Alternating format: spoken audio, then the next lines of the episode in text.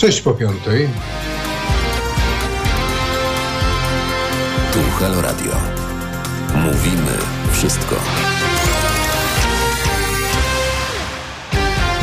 Zaczynamy Halo Komentarze. Jarosław Szczepański, witam bardzo serdecznie. Będę z Państwem do 18.45. Dzisiaj jest 29 marca 2021 roku. To jest 88 dzień tego roku, a do końca roku ładna zbitka 277 dni. 88 i 277. Tyle dni pozostało. W tym e, dzisiaj jest, są imieniny, bo to jest bardzo ważne. Są imieniny Bertolda, Cyrylego, Eustacjusza, Eustazji, Eustazjusza, Eustazego, Ludolfa, Ludolfiny, Marka, Satura, Satura, Stefana, Teodora i Wiktoryna. Wszystkiego najlepszego tym, którzy mają dzisiaj swoje imieniny. W dniu dzisiejszym, czyli inaczej mówiąc 29 marca 1973 roku ostatnie wojska amerykańskie opuściły Wietnam Południowy. Na kilku filmach oglądaliśmy, jak wyglądał ten dramatyczny czas opuszczania Wietnamu przez wojska amerykańskie. Naprawdę było to dram, było to dramatyczne. No a później się działo również dramatycznie po, po zajęciu Wietnamu Południowego przez Wietnam Północny. W 1995 roku powstała Rada Etyki Mediów. Zdawało się, że Rada wesprze swoimi etycznymi stwierdzeniami to, czy media polsce będą etyczne, czy nieetyczne. Dzisiaj Rada też czasami się wypowiada, ale do tego, czy media o tym, czy media są etyczne, czy zachowują się etycznie, to już musimy sami dojść i sami sobie dopasować te, które media lubimy, których nie lubimy. W naszym radio staramy się być zawsze etyczni, bo taka jest po prostu zasada dobrego dziennikarstwa.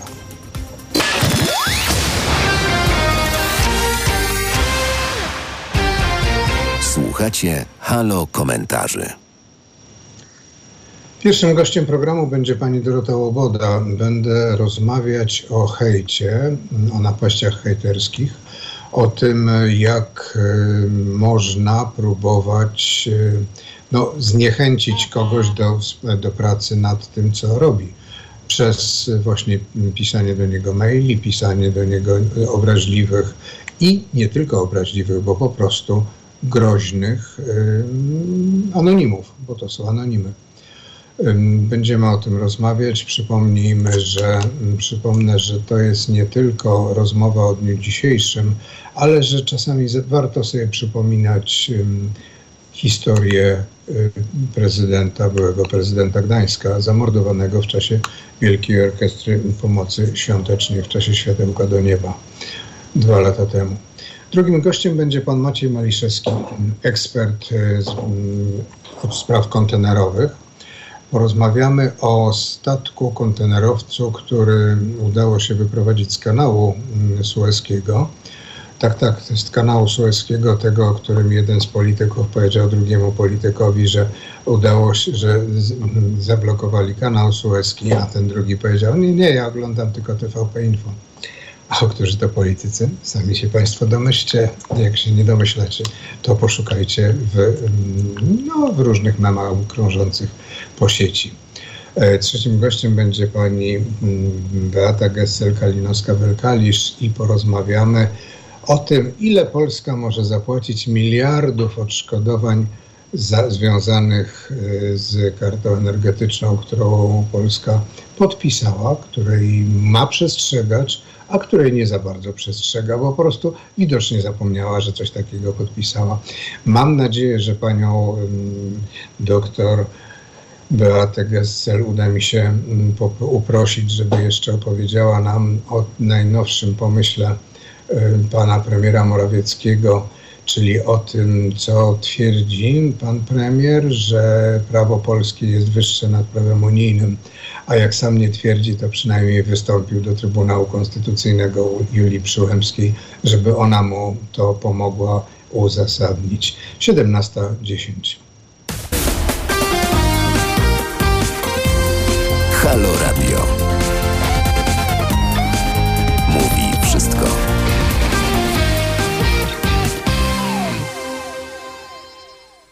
17.16. Przypomnę, że jesteśmy na YouTubie, na Facebooku, na naszej stronie internetowej, na Mixcloudzie i w aplikacji telefonicznej, że można nas komentować, można do nas pisać maile teraz małpahalo.radio, telefonować 22 39 059 22, a gościem programu jest pani Dorota Łoboda mm, i chcę porozmawiać o miłości człowieka do człowieka w dobie pandemii, czyli hejcie, który spłynął na panią, no po prostu zaczął spływać na panią.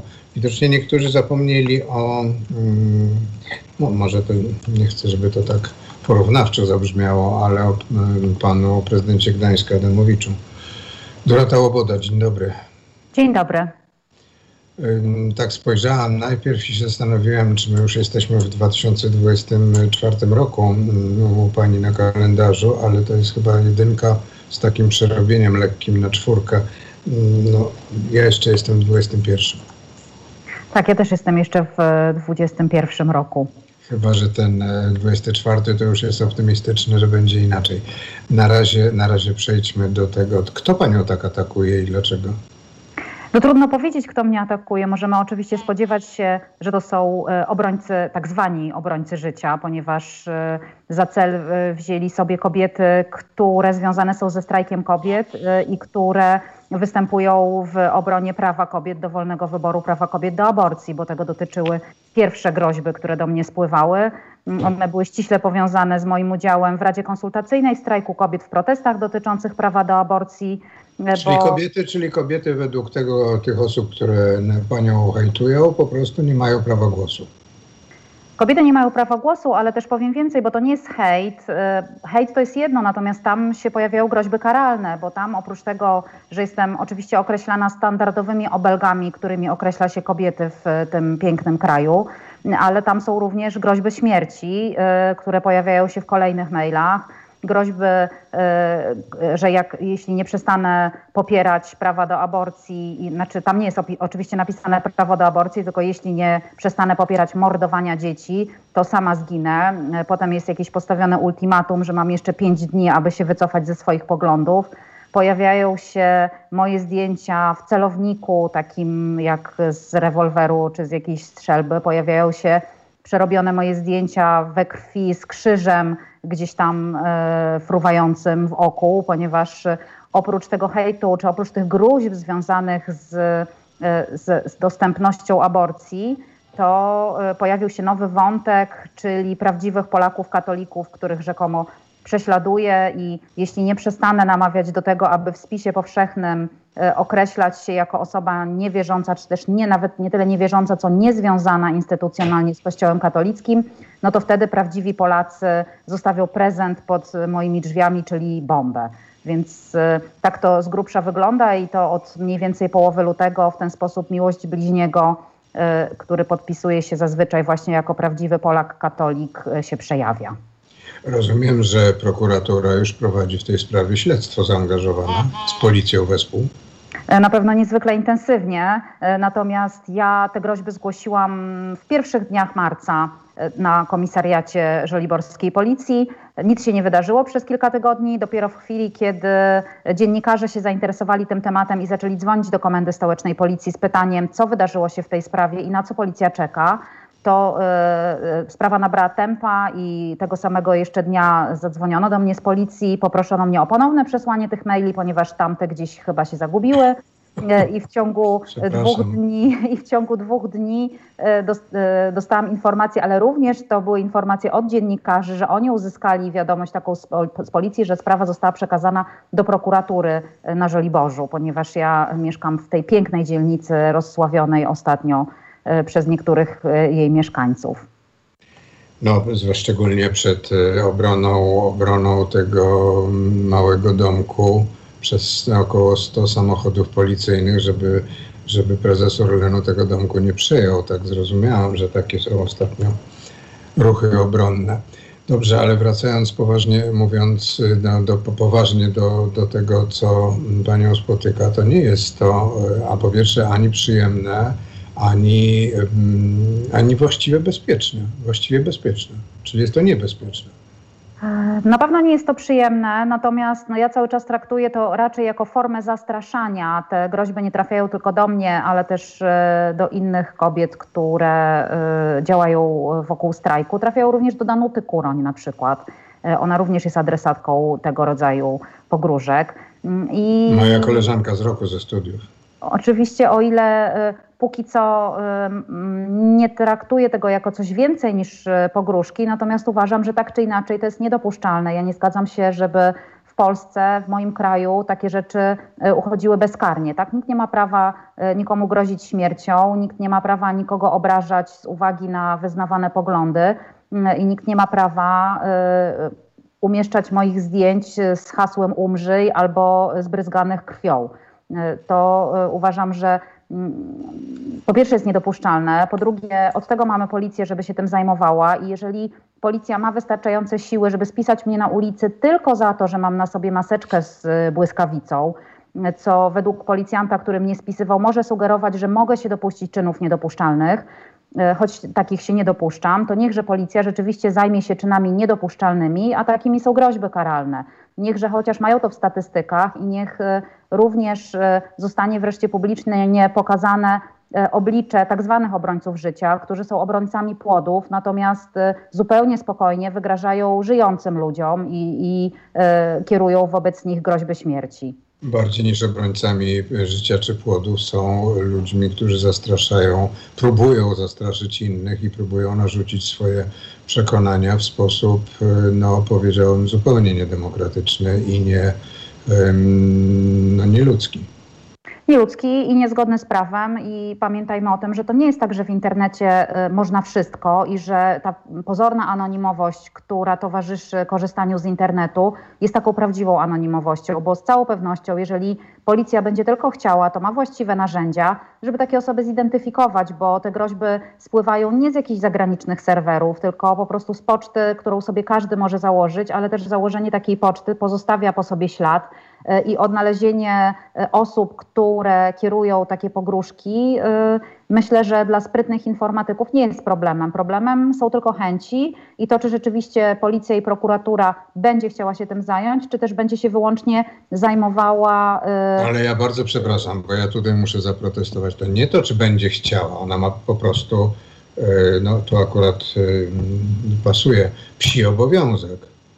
Policja ma obowiązek. Oczywiście, doskonale o tym wiemy, natomiast też wiemy, że od y, kilku lat y, policja nie wykonuje swoich obowiązków, tylko rozkazy płynące właśnie z tego domku y, przy ulicy Mickiewicza.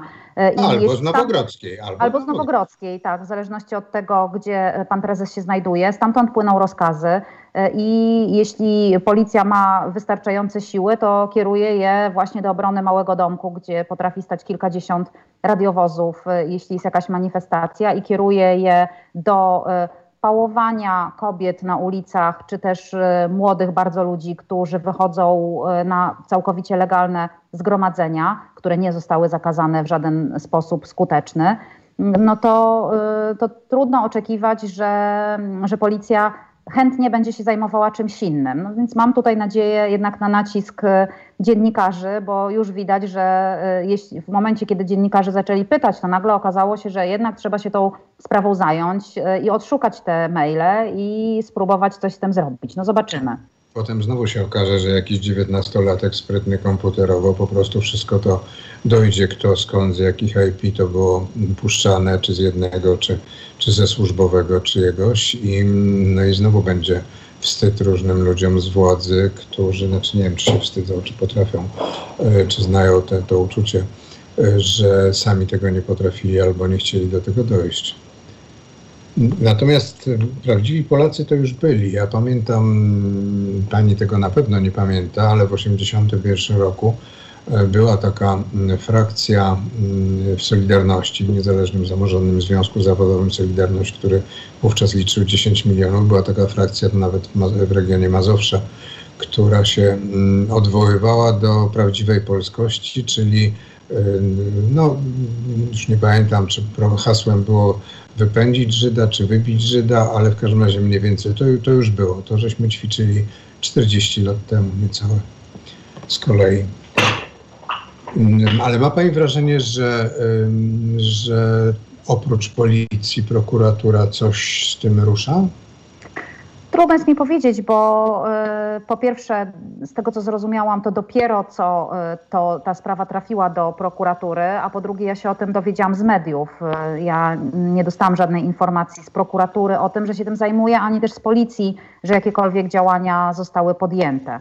Nie wiem, czy prokuratura pod, pod wodzą ministra Ziobry cokolwiek w takiej sprawie będzie robiła, no bo jest ewidentnie po jednej stronie sporu i to nie jest ta strona sporu, po której ja jestem, więc nie spodziewam się, e, raczej spodziewam się wezwań kolejnych na policję związanych z tym, że na przykład blokowałam e, furgonetkę antyaborcyjną albo że brałam udział w jednej z licznych demonstracji, bo tutaj policja sobie bardzo skutecznie radzi i wszystkich odnajduje.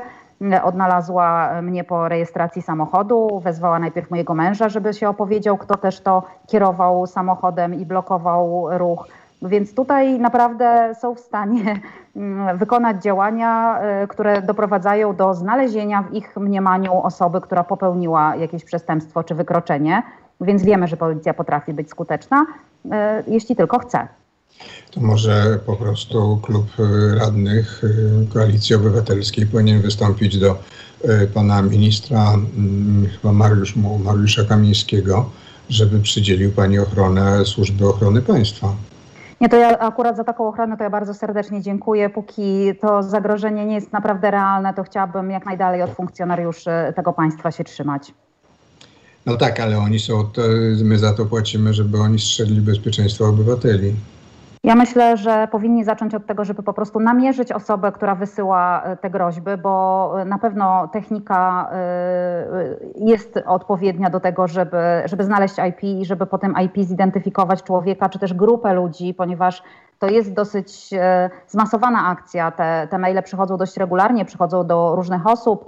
Ktoś też musi śledzić, co się dzieje, bo one na przykład pojawiają się wtedy, kiedy przy Mickiewicza w jednym z domów regularnie odbywają się spektakle teatralne i tego samego dnia przychodzą również tam pogróżki, że tam jest podłożona bomba, więc to ewidentnie jest jakaś grupa osób, które za tym stoją, więc y, sądzę, że, y, no, że od tego jest policja, żeby takich ludzi namierzyć i żeby też pokazać, y, że, że nie jest się bezkarnym, że to nie jest tak, że można w internecie zrobić rzecz dowolną, E, i że to są rzeczy, które są po prostu karalne. No i mam nadzieję, że ktoś e, za to poniesie karę. A czy jakieś działania strajku kobiet e, w tej chwili można by powiedzieć, jeśli chodzi o oświatę, które, bo się Pani tym zajmuje, które można by opisać już? Teraz kończymy w zasadzie nasz raport, w którym przygotowujemy rozwiązania do postulatów, które do nas spłynęły z ulicy. To okazało się wielką pracą i z tego to prawie, że książka powstanie różnych rekomendacji. Natomiast to, czym, czym teraz ostatnio się zajmowaliśmy, to przygotowaliśmy takie stanowisko e, zespołu edukacyjnego Rady Konsultacyjnej w sprawie modelu edukacja dla wszystkich, bo nasze Ministerstwo Edukacji Narodowej, czy też teraz Edukacji i Nauki e, planuje nam kolejną rewolucję na czas popandemiczny, kiedy tak naprawdę powinniśmy pozbierać te dzieciaki po różnych e, problemach, których one doświadczają i zapewnić im pomoc psychologiczną jak najlepiej najlepszą mamy, to ministerstwo sobie planuje całkowitą rewolucję dotyczącą e, edukacji włączającej, czyli zmianę w ogóle systemu działających dobrze poradni psychologiczno-pedagogicznych, e, szkół specjalnych. E, w zasadzie bez takiego odpowiedniego przygotowania będziemy realizować bardzo światłą i szczytną ideę, bo ja tutaj nie przeczę, że że cel jest słuszny i że chcemy jak najwięcej dzieci ze specjalnymi potrzebami edukacyjnymi włączać do edukacji ogólnej w szkołach ogólnodostępnych. Tyle tylko, że my do tego musimy przygotować nauczycielki i nauczycieli, którzy w tych szkołach pracują, żebyśmy nie wylali dziecka z kąpielą, wrzucając dzieci, które mają potrzeby, specjalne potrzeby edukacyjne w miejsce, gdzie nikt tych specjalnych potrzeb nie będzie w stanie zaspokoić. No i że przede wszystkim po raz kolejny próbujemy to zrobić bez pieniędzy, bo po raz kolejny ministerstwo planuje rewolucję, za którą nie chce zapłacić, tylko liczy, że to być może jakoś się wydarzy. No to my już wiemy, jak te rewolucje jakoś się wydarzają. Dziękuję bardzo za rozmowę. Mam nadzieję, że te hejty, te pogróżki zostaną tylko na papierze i że policja z prokuraturą spełni swoje zadania. Dorota Łoboda była gościem e, Halo Radia, jest 17.31. Tu Halo Radio. Mówimy wszystko. Jest 17.34. Przypomnę, że jest 29 dzień marca. Przypomnę, że mm, w Halo Radio są publikowane i można słuchać felietony felietonistów i felietonistek Halo Radio. Dzisiaj po naszym programie 18.50 zapraszam do wysłuchania felietonu doktora Przemysława Witkowskiego, o 20.50 felietonu doktora Bartosza Fijałka, a o 22.50 felietonu mm, Igora Isajewa. Przypomnę, że jesteśmy na Facebooku, na YouTubie, na Mixcloudzie i na stronie internetowej naszej, no i oczywiście w aplikacji telefonicznej. Można do nas pisać maile, teraz małpa halo.radio, telefonować 22 39 059 22 i mam nadzieję, że za chwilę zaczniemy rozmowę e, z naszym, z naszym gościem.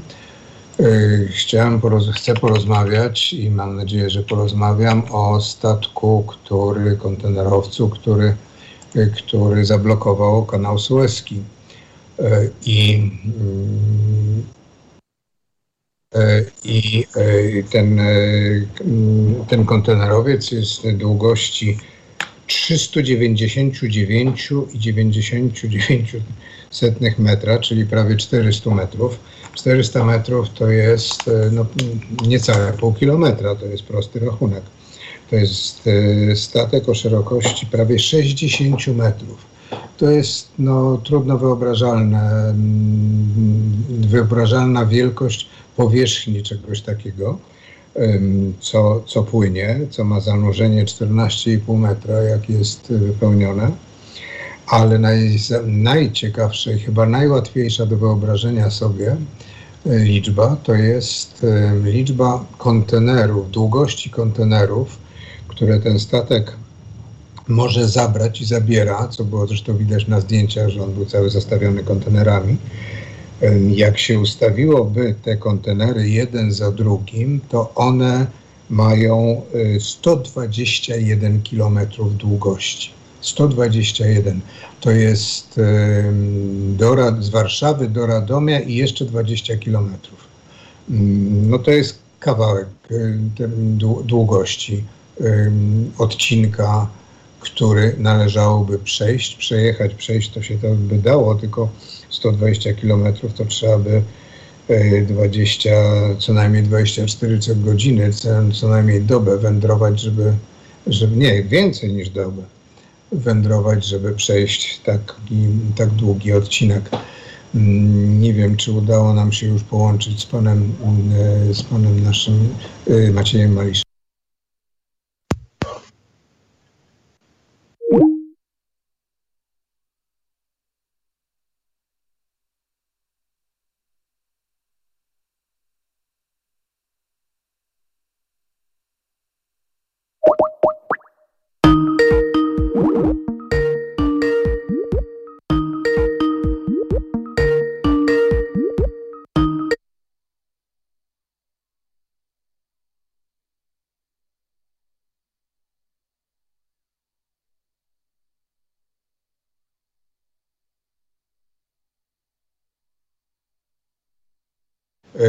Jestem słyszany, a podobno nie byłem słyszany. To ciekawe. Ciekawe zjawisko. A czy mamy już połączenie z panem Maciejem Maliszewskim? W związku z czym ja tylko opowiem, że tego typu mm, wielkie kontenerowce, które mm, pływają po świecie, głównie na liniach, e, na liniach z Dalekiego Wschodu do mm, Europy, i nie tylko oczywiście, bo i do Ameryk, obu Ameryk. Są to wielkie, ogromne statki, które mm, są coraz większe, ale chyba większych niż 400 metrów długości to nie ma, bo one by się po prostu już nie mogły zmieścić gdziekolwiek bądź. Natomiast takie statki są w stanie, z tego co wiem, przepłynąć również na Bałtyk dlatego że e, mhm. cieśniny, cieśniny które, przez które się wpływa na Bałtyk z Morza Północnego, one mają um, około 19 metrów głębokości, czyli statek, który ma zanurzenie 4, prawie 15-metrowe, jest w stanie taki pokonać te ciśniny i wpłynąć na Bałtyk. W Polsce, mm, z tego co ja wiem, a nie jestem ekspertem od statków kontenerowych, to takie statki mogą wpływać do portu zewnętrznego, jaki jest w Gdańsku, czyli inaczej mówiąc do portu na Zatoce Gdańskiej i do jednego z terminali kontenerowych. Do terminali w Gdyni raczej nie, ale to się chętnie zapyta naszego eksperta, jeśli się wreszcie uda nam z nim połączyć. To jest po prostu e, kolos, ogrom, taki statek, który widać z daleka i widać go było zresztą e, na zdjęciach satelitarnych. Moment ten konkretny statek, e, Evergreen, który blokował kanał Suezki.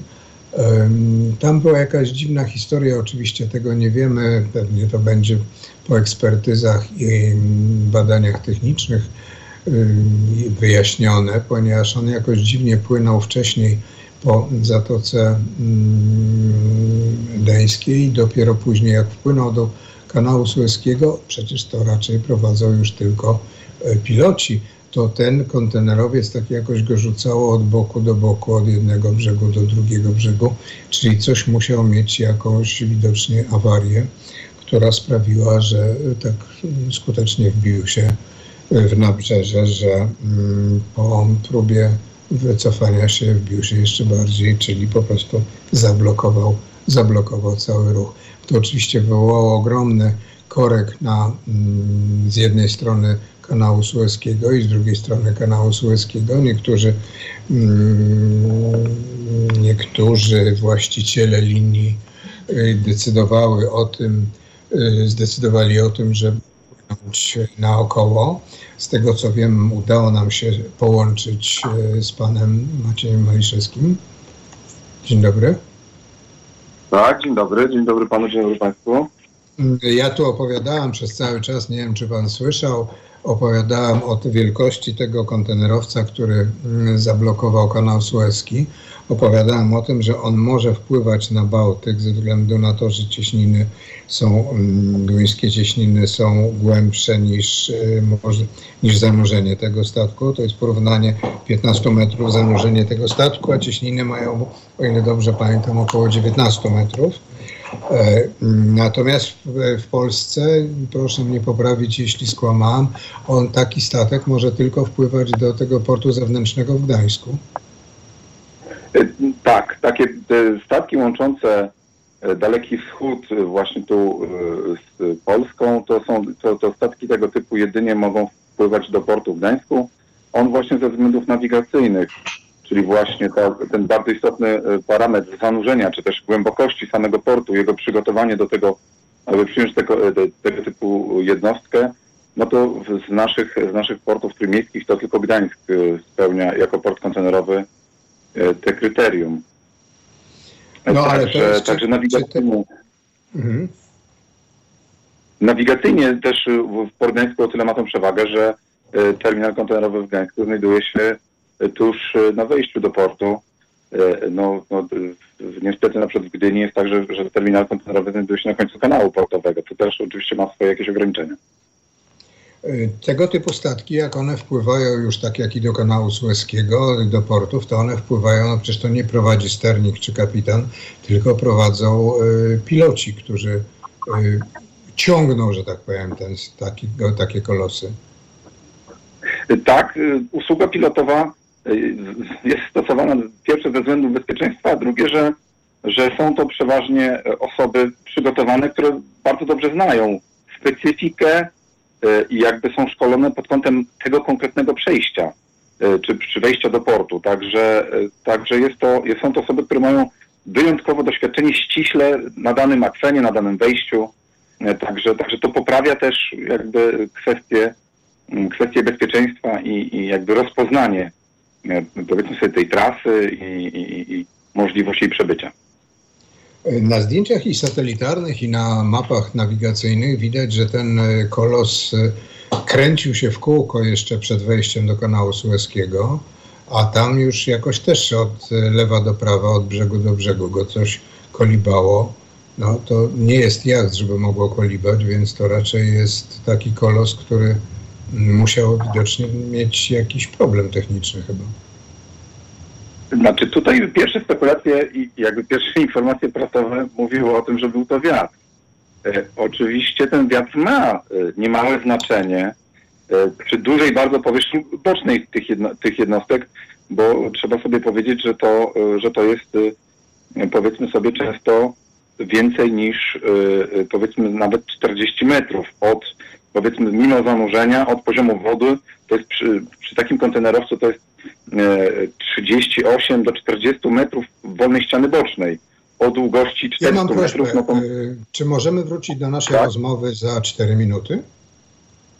Tak, oczywiście, oczywiście proszę. 17.45.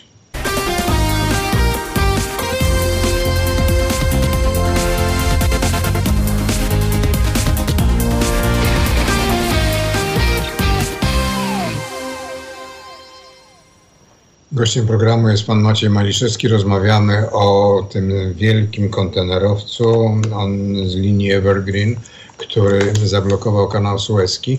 Powiedział pan, że to jest powierzchnia, jak wiatr uderza, to to jest powierzchnia to wysokości 40 metrów mniej więcej, a długości 400, tak? Tak, tak no 40 dla tych największych kontenerowców nawet 50, oczywiście odejmując od tego zanurzenie to mamy, no tak. wtedy mamy do czynienia z powierzchnią boczną rzędu dwóch hektarów. To, to powiedzmy sobie przy niewielkiej wyobraźni można sobie wyobrazić, że jak faktycznie wiatr wieje na powierzchni dwóch hektarów, to, to jest to znacząca siła.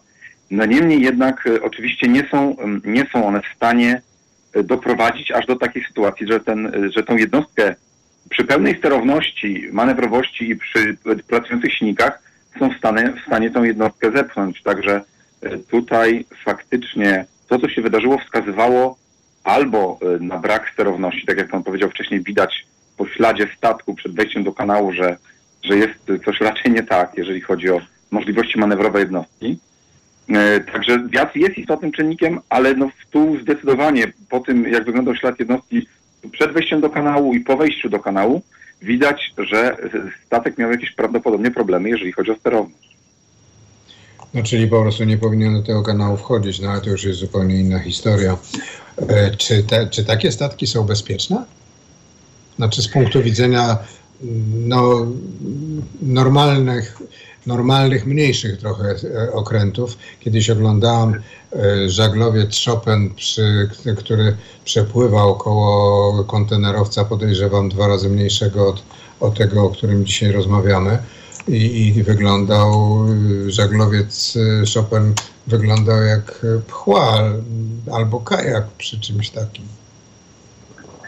Zdecydowanie te największe jednostki teraz najczęściej posiadają nawet y, dwie jednostki napędowe niezależne. To jest, wynika z tego, że oczywiście robi się wszystko teraz, aby to spalanie podczas y, tej podróży, często bardzo długiej, było możliwie jak najmniejsze.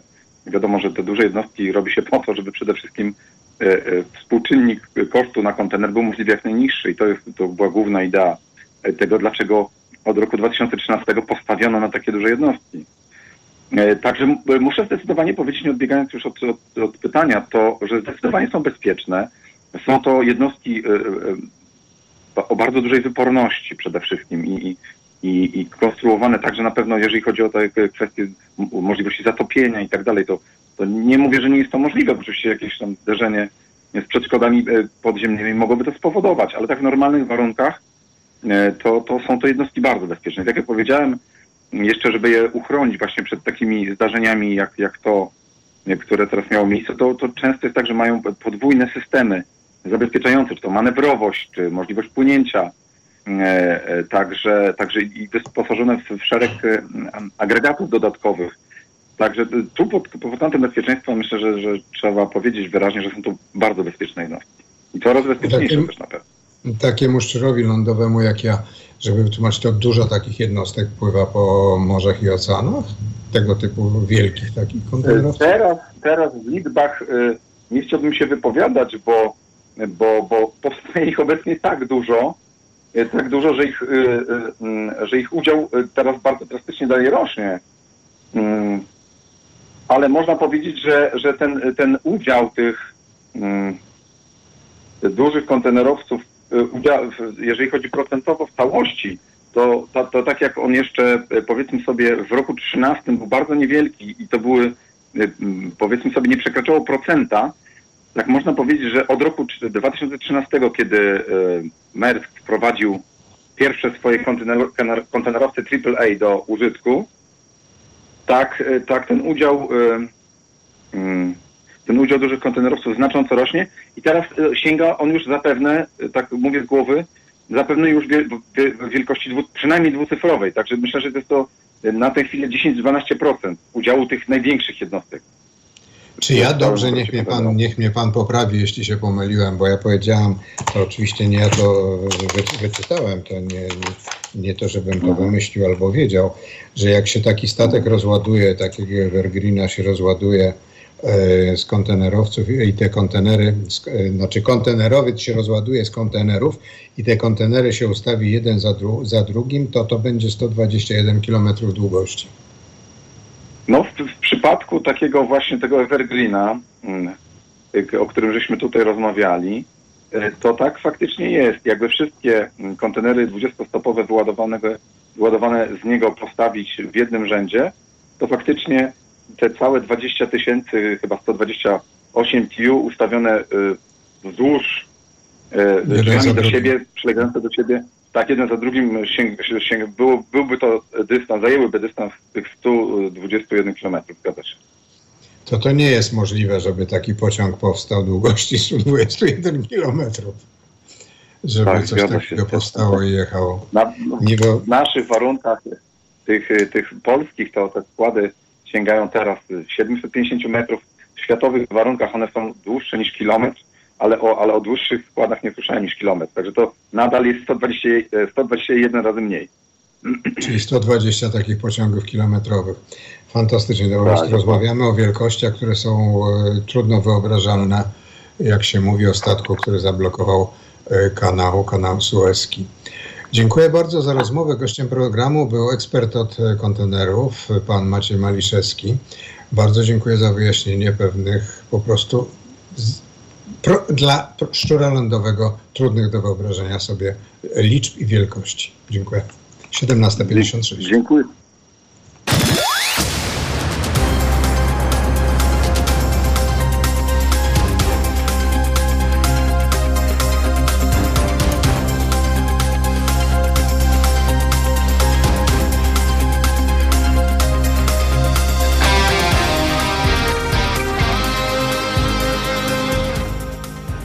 Sześć po szóstej, czyli 18.06.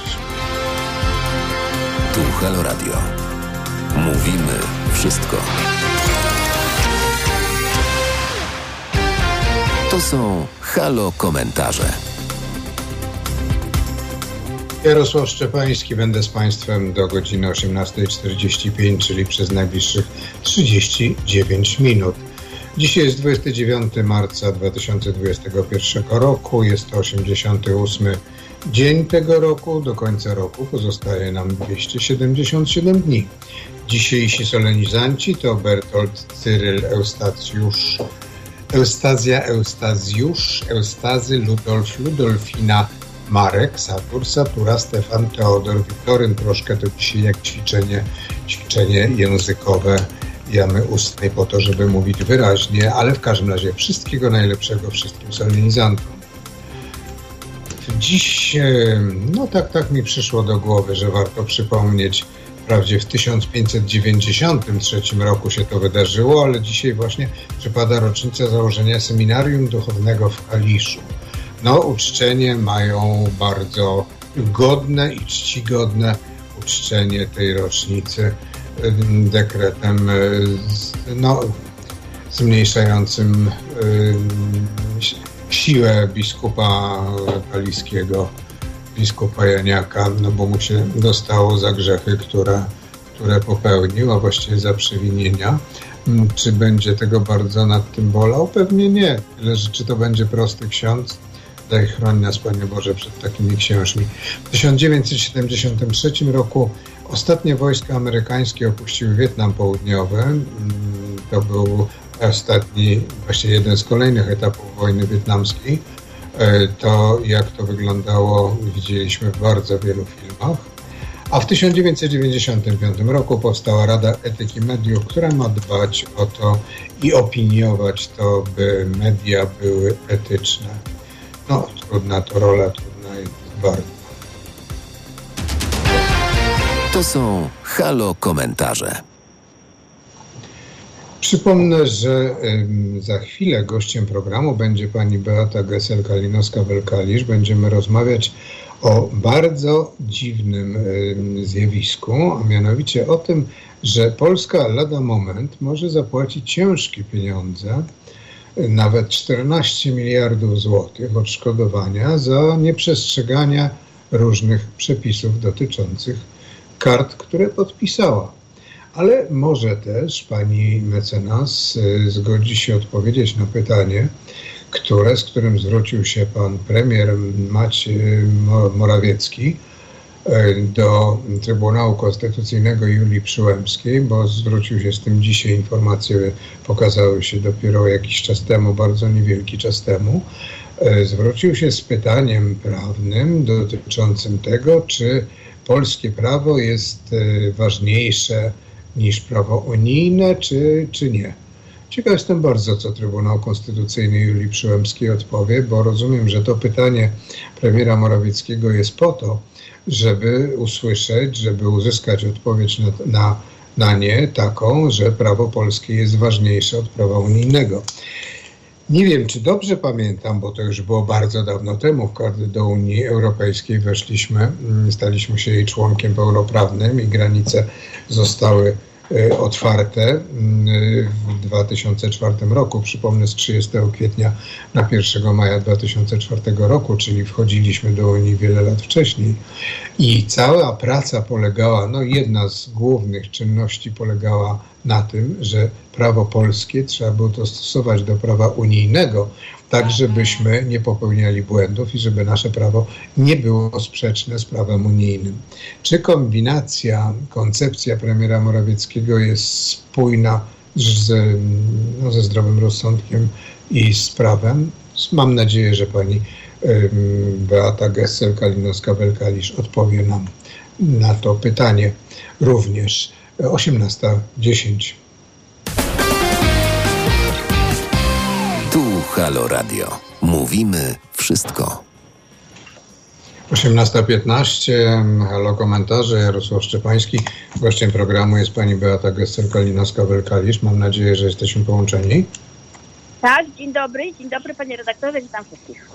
Bardzo się cieszę, bardzo dziękuję za przyjęcie zaproszenia. Chciałem się pierwsze rzecz zapytać o to, mm, no drugie, drugie, drugą rzecz się zapytam za chwilę, ale pierwsze rzeczy chciałem zapytać o kartę energetyczną. Traktat karty energetycznej to jest coś, jakieś przestarzałe porozumienie, które które może sprawić, iż Polska będzie płacić wielomiliardowe odszkodowania różnym potencjalnym inwestorom. No cóż, y, ostatnio sprawa stała się głośna ze względu na, na zapowiedź powództwa w sprawie węglowej, o którym była mowa w Gazecie Wyborczej. Y, ja myślę, że to jest trochę, bo, bo zacznę tego, że jest karta energetyczna. Jest Różne państwa, różne y, kraje podpisują porozumienia o ochronie inwestycji, albo bilateralne, albo wielostronne, na podstawie których udzielają pewnych gwarancji inwestorom, którzy y, y, rozpoczynają inwestycje w ich krajach. Polska jeszcze przed 1989 rokiem miała podpisanych ileś tam tych bilateralnych umów o ochronie inwestycji, między innymi ze Stanami Zjednoczonymi, z Francją, Belgią i tak Również po 90 roku, w 93 chyba została przygotowana traktat karty energetycznej, e, który miał za zadanie e, chronić inwestorów i zachęcać ich w ten sposób e, poprzez zaoferowanie takiej ochrony, zachęcać ich do inwestowania w takich krajach jak dawny Związek Radziecki, czyli Rosja, nasze kraje Europy Wschodniej i tak dalej. Czyli kraje rozwijające się. Tak, chodziło o takie bezpieczeństwo, żeby e, w szczególności jeżeli chodzi o sektor energetyczny. Stroną tego porozumienia jest sporo krajów, między innymi Polska, ale też na przykład Unia Europejska jest jako podmiot oddzielny. W tej chwili oczywiście jest e, e, prowadzona dyskusja, czy pomiędzy krajami Unii Europejskiej, czy ten traktat powinien wiązać, czy też nie, podobnie jak rozstrzygnięto sprawę umów bilateralnych między tymi krajami. Natomiast ta kwestia jest nadal dyskusyjna. I teraz zastanawiałam się nad tym właśnie, rzeczywiście są takie głosy, głosy podnoszone, że tak, postanowienia tej karty mogą stać y, naprzeciw zmianom y, legislacyjnym, które miałyby na celu ochronę, ochronę środowiska, czyli takie kwestie ekologiczne. Jeżeli by popatrzeć na to, jakie sprawy były przedmiotem rozstrzygnięć na podstawie tej karty energetycznej, to wydaje mi się, że tak jednoznacznie wniosków chyba nie można wyciągnąć. Tych spraw było ponad 100. Tak przy okazji Polska była e, stroną w dwóch sprawach, z czego e, jedna e, kwota była chyba 18 milionów euro i Polska tę sprawę przegrała. Natomiast wygrała sprawę o 700 milionów dolarów. I, I to były dwie sprawy, które do tej pory byliśmy stroną jako Polska. W tej chwili ta sprawa, wydaje mi się, o ile dobrze wiem, to jest to trzecia sprawa. Przy czym, no, y, jak było podnoszone e, e, właśnie przez wyborczą, sprawy są poustne i nie wszystkie są e, podawane do publicznej wiadomości. Ale mając na uwadze ostatnią politykę, jaka też przez organizację Citra była promowana, wydaje mi się, że większość spraw jednak jest w domenie publicznej. Także Polska była stroną w dwóch sprawach, w tej chwili jest trzecią. Natomiast jeżeli spojrzymy na informacje publicznie dostępne, y, jakie sprawy są rozstrzygane, to należy zauważyć, że te sprawy nie tylko dotyczą węgla, czy tych y, y, tradycyjnych y, y paliw, natomiast dotyczą też spraw ekologicznych. Jest bardzo dużo spraw, y, które były wnoszone przeciwko państwom związanych z inwestycjami w czyste energie. Wiatraki, solary, to w szczególności ja akurat śledziłam kwestie hiszpańskie przeciwko Hiszpanii sporo było, sporo było spraw, które dotyczyły właśnie niesprawiedliwych zdaniem inwestorów, regulacji czy traktowania inwestorów, którzy zainwestowali właśnie w farmy wiatrowe albo w farmy solarne. Więc na pewno należałoby się zgodzić z tymi, którzy uważają, że ta karta wymaga pewnego przemeblowania, powiedziałabym, E, natomiast na pewno nie jest tak, że ona, jej celem jest ochrona węgla, czy ochrona tych tradycyjnych źródeł energii. Czyli to nie, czyli to nie jest tak, że to jest jakieś przestarzałe porozumienie, o którym wszyscy zapomnieli i teraz ci inwestorzy, którzy próbują wejść w te, no nazwijmy je, przestarzałe źródła energii, e, że będą mogli wygrywać i po prostu truć nam środowisko. Proszę spojrzeć, że na przykład e, e, kwestia ta była rozważana, roszczeń przeciwko Polsce w momencie, kiedy nastąpiła zmiana regulacji dotyczących wiatraków w Polsce. I firmy, które inwestowały w wiatraki, e, tu przypomnę, że tam kwestia dotyczyła dwóch rzeczy. Po pierwsze opodatkowania, które się zmieniło, e, inaczej było wyliczany podatek od nieruchomości i plus e, inaczej była wyliczana odległość, jaka powinna być zachowana pomiędzy tymi wiatrakami a najbliższymi zabudowaniami. I teraz e, firmy, które zainwestowały, zachęcone takimi e, oświadczeniami państwa polskiego, że e, e państwo zamierza e, wspierać wszystkie ekologiczne inwestycje w zakresie energetyki, zainwestowały sporo pieniędzy, a następnie zostały jakby no, ograniczone e, na różnych etapach tych inwestycji. I też te przedsiębiorstwa rozważały kwestię przedsięwzięcia środków przeciwko Polsce właśnie na podstawie tej karty energetycznej. No niewątpliwie jest tak, że karta energetyczna, podobnie jak wszystkie inne umowy o ochronie inwestycji, e, które e, regulują arbitraż tak zwany inwestycyjny, czyli e, właśnie przeciwko ochronie inwestycji inwestorów, jest nakierowane, to są tylko roszczenia przeciwko państwom. Na tym polega ta ochrona, że nie państwa mogą wycofać przeciwko inwestorom, tylko inwestorzy przeciwko państwom. Wydaje mi się, że może tu jest pewien kierunek ukryty, to znaczy że to nie chodzi tylko o to, że karta chroni e, mm, inwestorów tych tradycyjnych, powiedzmy, tak, energetyki tradycyjnej. Tylko może w ogóle należy, i to jest chyba też taki kierunek myślenia w tej chwili, takiego prawodawczego, że należałoby stworzyć takie mechanizmy, takie mechanizmy, między innymi arbitrażowe, które by w sposób bardziej kompleksowy regulowały te kwestie. Czyli nie tylko, gdzie jest kierunek inwestor przeciwko państwu, tylko w ogóle sprawy, które są wielowątkowe, kompleksowe i nie tylko przeciwko państwu, ale też przeciwko inwestorom, e, które powinny te sprawy rozstrzygać. W tym kierunku między innymi, wydaje mi się, idą tak, taka myśl wytwórcza, między innymi od e, e, Permanent Court of Arbitration Hadze, e, którzy e, głównie, znaczy sąd, który głównie zajmuje się kwestiami państw, znaczy e, e, sporów pomiędzy państwami, ale też byłaby bardzo dobrym E, e, bardzo dobrym miejscem, gdzie można byłoby w sposób właśnie, jak mówię, bardziej kompleksowy podejść do rozstrzygania sporów ekologicznych. Czy te rozstrzygnięcia w ogóle mogą mieć jakieś przełożenie na, no, na przeciętnego e, no, Szczepańskiego, Kowalskiego, Nowaka, bo to są jakieś bardzo wielkie, takie trudno wyobrażalne sobie procesy między inwestorem a państwem. Czy to w ogóle mm, nas powinno obchodzić?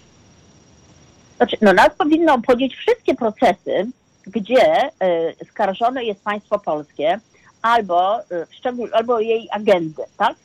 Y, y, znaczy jego agendy, państwa polskiego, dlatego że to wszystko dotyczy naszych publicznych pieniędzy, publicznej pieniądze, to nie są publiczne jakieś cudze, tylko to są nasze pieniądze właśnie Kowalskiego, Malinowskiego, więc każda sprawa, która w jakiś sposób dotyka e, pieniędzy, środków publicznych powinna nas dotykać oczywiście, bo to są, to są pieniądze, które pochodzą z różnych e, środków, podatków e, czy dochodów z aktywów państwowych, ale które wszystkie są jakby do naszym dobrem wspólnym.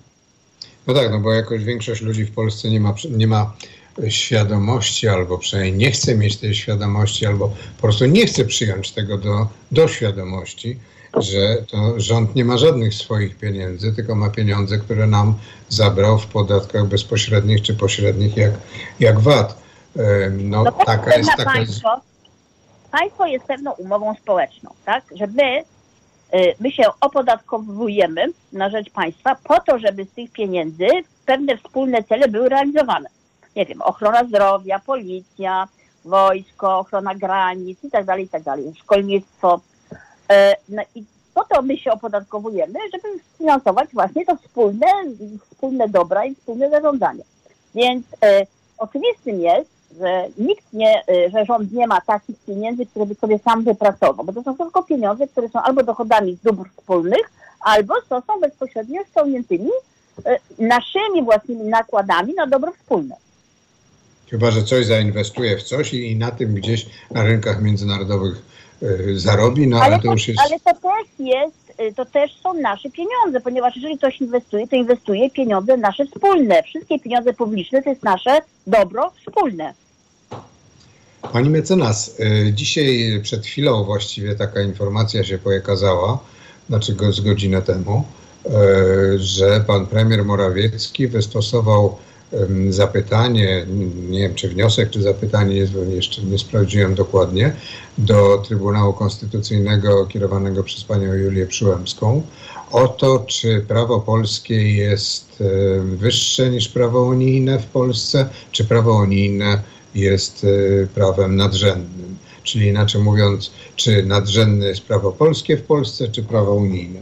Czy to jest, bo mi się zawsze zdawało, że po to, żeśmy pracowali, przepracowywali cały system prawodawczy w Polsce w końcu lat 90., na początku lat 2000, przed wejściem do Unii Europejskiej, żebyśmy mieli zgodne przepisy prawne polskie z unijnym, e, no i żeby to wszystko razem funkcjonowało. Jak to, jak to powinno wyglądać Pani zdaniem? No więc y, ten wątek się przywija co jakiś czas w takich dyskusjach y, y, politycznych, e, wyższość prawa unijnego nad, nad e, prawem polskim, w szczególności wtedy, kiedy to prawo unijne nam nie bardzo odpowiada. E, czy komuś, kto właśnie definiuje taką tezę, nie bardzo odpowiada. Ja nie wiem dokładnie, jaki jest zakres tego wniosku i o to tym tak naprawdę chodzi, bo to jest pewne takie jakby no, potoczne stwierdzenie wyższość prawa unijnego nad prawem polskim. Konstytucja mówi tak, że są określone źródła prawa i jest określona hierarchia źródeł prawa, czyli na przykład akt wykonawczy nie może być sprzeczny z aktem przeczytam, przeczytam, jak to, przeczytam, jak to mam y, napisane. Morawiecki złożył do TK wniosek o uznanie wyższości prawa polskiego nad unijnym. No nie wyobrażam sobie takiego wniosku. No mówię, no to jest pewne uproszczenie. No, wyższość prawa polskiego nad unijnym. Ponieważ my, my mamy wszystkim w Konstytucji napisane, właśnie w ramach tego porządku aktów y, źródeł prawa, że akty prawa międzynarodowego mają wyższość, te, które są ratyfikowane przez parlament nasz, mają, y, mają wyższość nad aktami na, na ustawowymi. Więc jeżeli my jesteśmy stroną, y, stroną umowy y, międzynarodowej, no to ona jakby, nawet nie chodzi o wyższość, ona po prostu wchodzi w nasz porządek prawny poprzez ratyfikację. Więc y, szczerze powiem, nie wiem na czym polega ten wniosek, bo jak mówię, no to jest bardzo takie uproszczenie i potoczne stwierdzenie. Natomiast y, y, no, trzeba by się z tym wnioskiem zapoznać. Rozumiem, rozumiem. To jest bardzo, bardzo skomplikowana, skomplikowana sprawa i bardzo, mm, bardzo ciekawa. Czy pani sądzi, że taki proces arbitrażowy, wracając do tej karty energetycznej, że to jest coś takiego, co może być takim przykładem, jak się źle w Polsce traktuje inwestorów zagranicznych? Akurat ten konkretny przypadek, o którym mówiliśmy, czyli ten australijski. Y, nie wiem, znaczy trudno mi jest powiedzieć.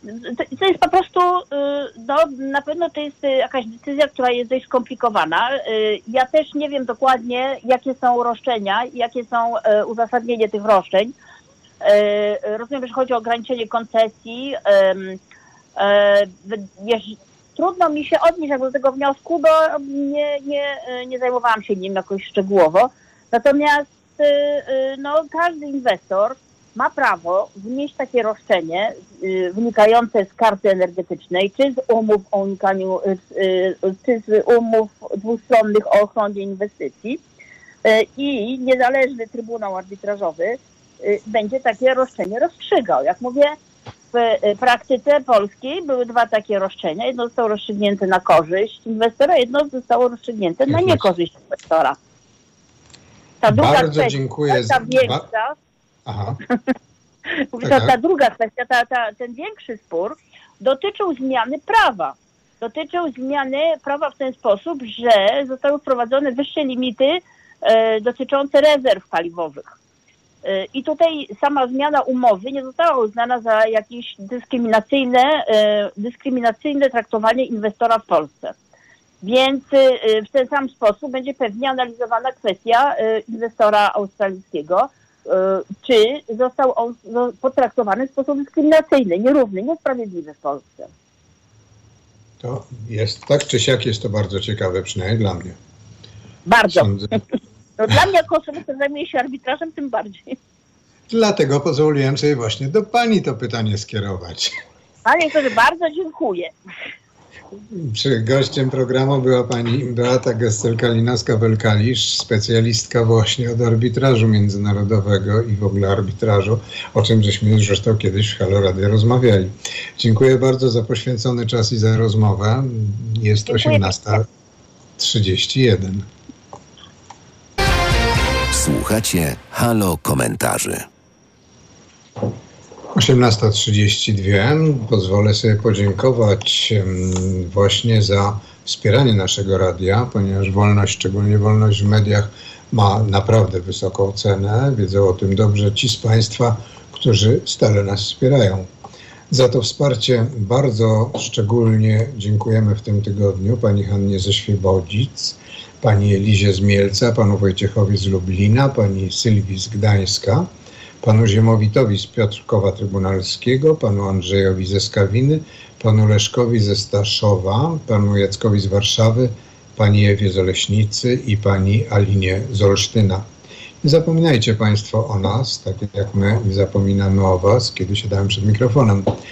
Za stałe wspieranie finansowe Haloradia, które nie kłania się władzy ani nie schlebia opozycji, dziękujemy bardzo. Polecamy się na przyszłość, bo bez Państwa wsparcia no, nie będziemy mieli możliwości funkcjonowania. Przypomnę nasz wspólny projekt www.zrzutka.pl ukośnik Halo Radio. Jest 18.33. Przypomnę, że jesteśmy na YouTubie, na Facebooku, na Mixcloudzie, na naszej stronie internetowej, no i oczywiście w aplikacji telefonicznej. Można do nas pisać maile teraz małpa halo.radio, telefonować 22 39 059 22. Z najświeższych informacji, które udało nam się uzyskać, właśnie pan premier wystąpił do Morawiecki, wystąpił do Trybunału Konstytucyjnego z wnios, zapytaniem o to, albo wnioskiem, właśnie to trudno się, trudno się zorientować, czy prawo polskie jest y, nadrzędne w stosunku do prawa unijnego. Wszystko zależy, jak ten wniosek został sformułowany, jak on w strony prawnej został sformułowany. Rozmawialiśmy o tym przed chwilą z panią mecenas Beatą Gessel-Kalinowską-Welkalisz. Y, I to jest bardzo ważna znaczy może nie decyzja, znaczy de, ważne posunięcie premiera Morawieckiego, ponieważ zależnie od tego, czy prawo unijne przeszkadza rządowi w Polsce, czy prawo unijne nie przeszkadza rządowi w Polsce, występuje rząd polski z takimi zapytaniami albo z takimi próbami dokonania jakichś przedziwnych ruchów. Przypomnę tylko, że przed naszym wejściem do Unii Europejskiej nastąpiło to formalnie w nocy z 30 kwietnia na 1 maja 2004 roku, czyli niecałe 13 lat temu. 13, nie, 17. Właśnie trwała długa operacja, która była, polegała na tym, że prawo polskie było dostosowane do prawa unijnego, po to, żeby jedno z drugim nie było sprzeczne, czyli inaczej mówiąc w tym wypadku, żeby polskie prawo nie było sprzeczne z prawem unijnym. I y, raczej zależało wszystkim na tym, i tak to mamy zapisane w Konstytucji, że y, prawo w Polsce jest y, zgodne z prawem unijnym. Jeżeli jest zgodne z prawem unijnym, to znaczy, że to prawo unijne jest jednak y, no, nadrzędne w stosunku do prawa polskiego. Ale wydaje mi się, że, że rząd, y, tak jak już dostał no, po kieszeni, to myśmy dostali po kieszeni, bo rząd nie ma swoich pieniędzy w kwestii wycinki Puszczy Białowieskiej y, parę lat temu, a przymierza się do rozszerzu wycinkę znowu, to wydaje mi się, że rząd po prostu zaczyna się pandemicznie gubić e, w obecnych swoich działaniach, bo zamiast poprowadzić, brać dobre przykłady z innych krajów Unii Europejskiej, jakie rozwiązania wprowadzać w celu ochrony nas, obywateli, przed e, pandemią, w celu ułatwienia nam życia w pandemii, to rząd zajmuje się głównie zwalaniem e, na opozycję tego, co opozycja robi i przeszkadza według rządu, zamiast zająć się tym, żeby tej pandemii, żeby tę pandemię ograniczać.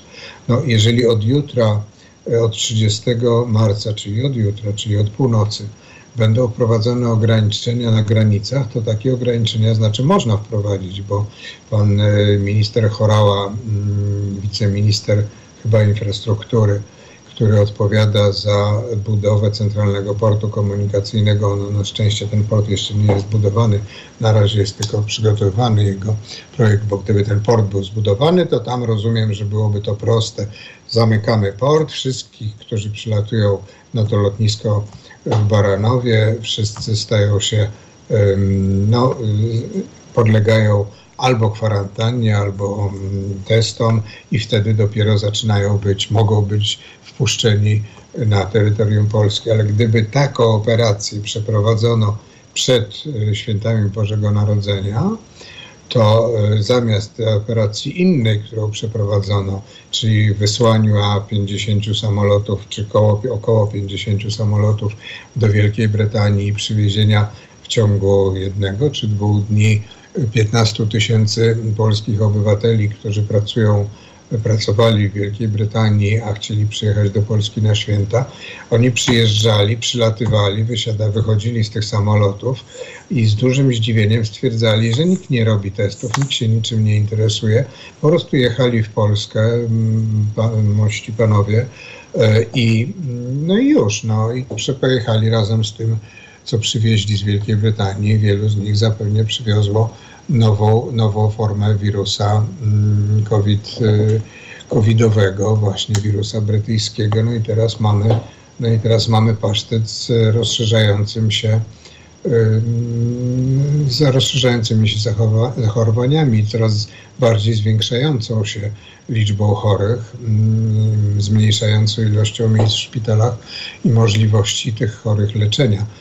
Wszystko na to wskazuje, że tak będzie trwało, ta liczba się będzie zwiększała i tych chorych będzie coraz więcej. No przynajmniej do początku kwietnia, przynajmniej do gdzieś pewnie 9 kwietnia, bo sądzę, że okaże się cudownie, że od 10 kwietnia liczba chorych gwałtownie zmaleje, ponieważ 10 kwietnia będziemy już mogli mm, składać kwiaty tam, gdzie każdy będzie chciał, ponieważ do, do, do 10, czyli do 9 włącznie na razie są wprowadzone ograniczenia e, pandemiczne. Mm, z tego ograniczenia przy, przylatywania do Polski ludzi teraz na święta wielkanocne przypomina mi się stara, stara, stara opowieść o tym, o wyższości świąt y, Wielkanocy nad świętami Bożego Narodzenia. Gdyby te święta, gdyby ta wyższość Bożego Narodzenia jednak była niższa niż Wielkiej Nocy, to może by tych chorych nie przyleciało tylu ilu ich przyleciało i może nie mielibyśmy takiego pasztetu, jaki w tej chwili mamy. No ale, no ale. Diabeł tkwi w szczegółach, ale ja po prostu jestem przekonany, że rząd po pierwszej fali, mm, gdyby rząd po pierwszej fali pandemii poszedł po rozum do głowy, może, może nawet trochę później, bo już po wygranych wyborach prezydenckich i zabrał się do roboty, to nie byłoby tylu pandemicznych błędów i nie byłoby braku mm, przygotowań do akcji szczepień. Bo ta akcja, która jest prowadzona, no jest dość, e, powiedziałbym, no, dość e, mało organizacyjnie sprawna, mimo że tam się wszyscy chwalą, że się udało, to na razie się jeszcze nic nie udało. Podejrzewam, że gdyby zatrudnić 19-latka, który zaczął liczyć, liczyć chorych i to mu wychodziło, to bardziej niż rządowi, to sądzę, że przygotowałby mm, taki model zapisywania na szczepienia, który byłby sprawny i który by nie kazał jeździć ludziom po 200 km czy 150 km w jedną stronę na szczepienie, bo, bo tak się systemowi udaje zaproponować. To jest po prostu nie, nie, niezrozumiałe, dlaczego można taki system było stworzyć, który takie propozycje mm, składa, ponieważ duża część naszego społeczeństwa jednak chce się szczepić i zamierza się szczepić i oby było tych chętnych do szczepienia jak najwięcej, to po prostu należałoby to tak robić, żeby te szczepienia były, odbywały się jak najbliżej miejsca zamieszkania. Nie mówię, że zameldowania, bo to czasami nie jest spójne, ale miejsca zamieszkania, a to jest proste do ustalenia, bo po prostu każdy ma PESEL i w odpowiedzi na zapytanie może powiedzieć, gdzie jest i gdzie się chce zaszczepić i wówczas ta szczepionka może iść za nim, a nie on za szczepionką ganiać po Polsce no na przykład 150 kilometrów, no bo to jest po prostu na głowie postawione i, i jeszcze do tego odwoływanie szczepień w ostatniej chwili. Ja, tak jak mówiłem, pytałem pana ministra Niedzielskiego, zadałem pytanie na piśmie 4 lutego, czy za podróżowanie za szczepieniem w celu zaszczepienia się do odległego miasta nie powinna być zmniejszona składka na ubezpieczenie zdrowotne, no jeżeli się to pokrywa e, z sumą pieniędzy wydanych e, wedle kilometrówki na przejazd.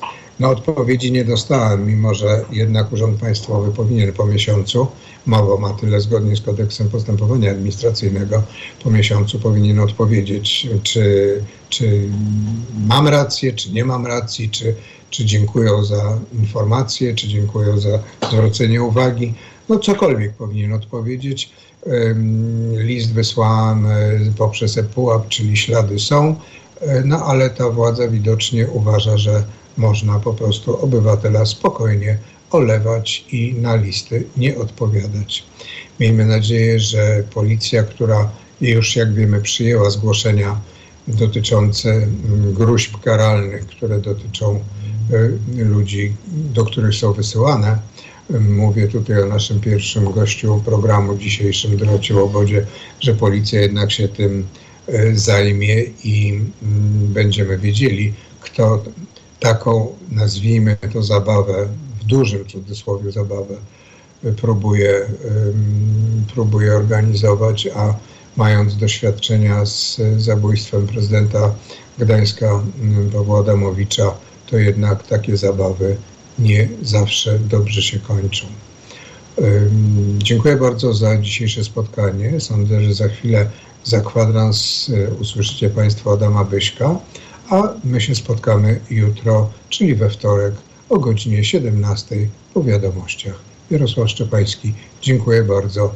Do usłyszenia. To były Halo Komentarze. Na kolejny program zapraszamy jutro o godzinie 17.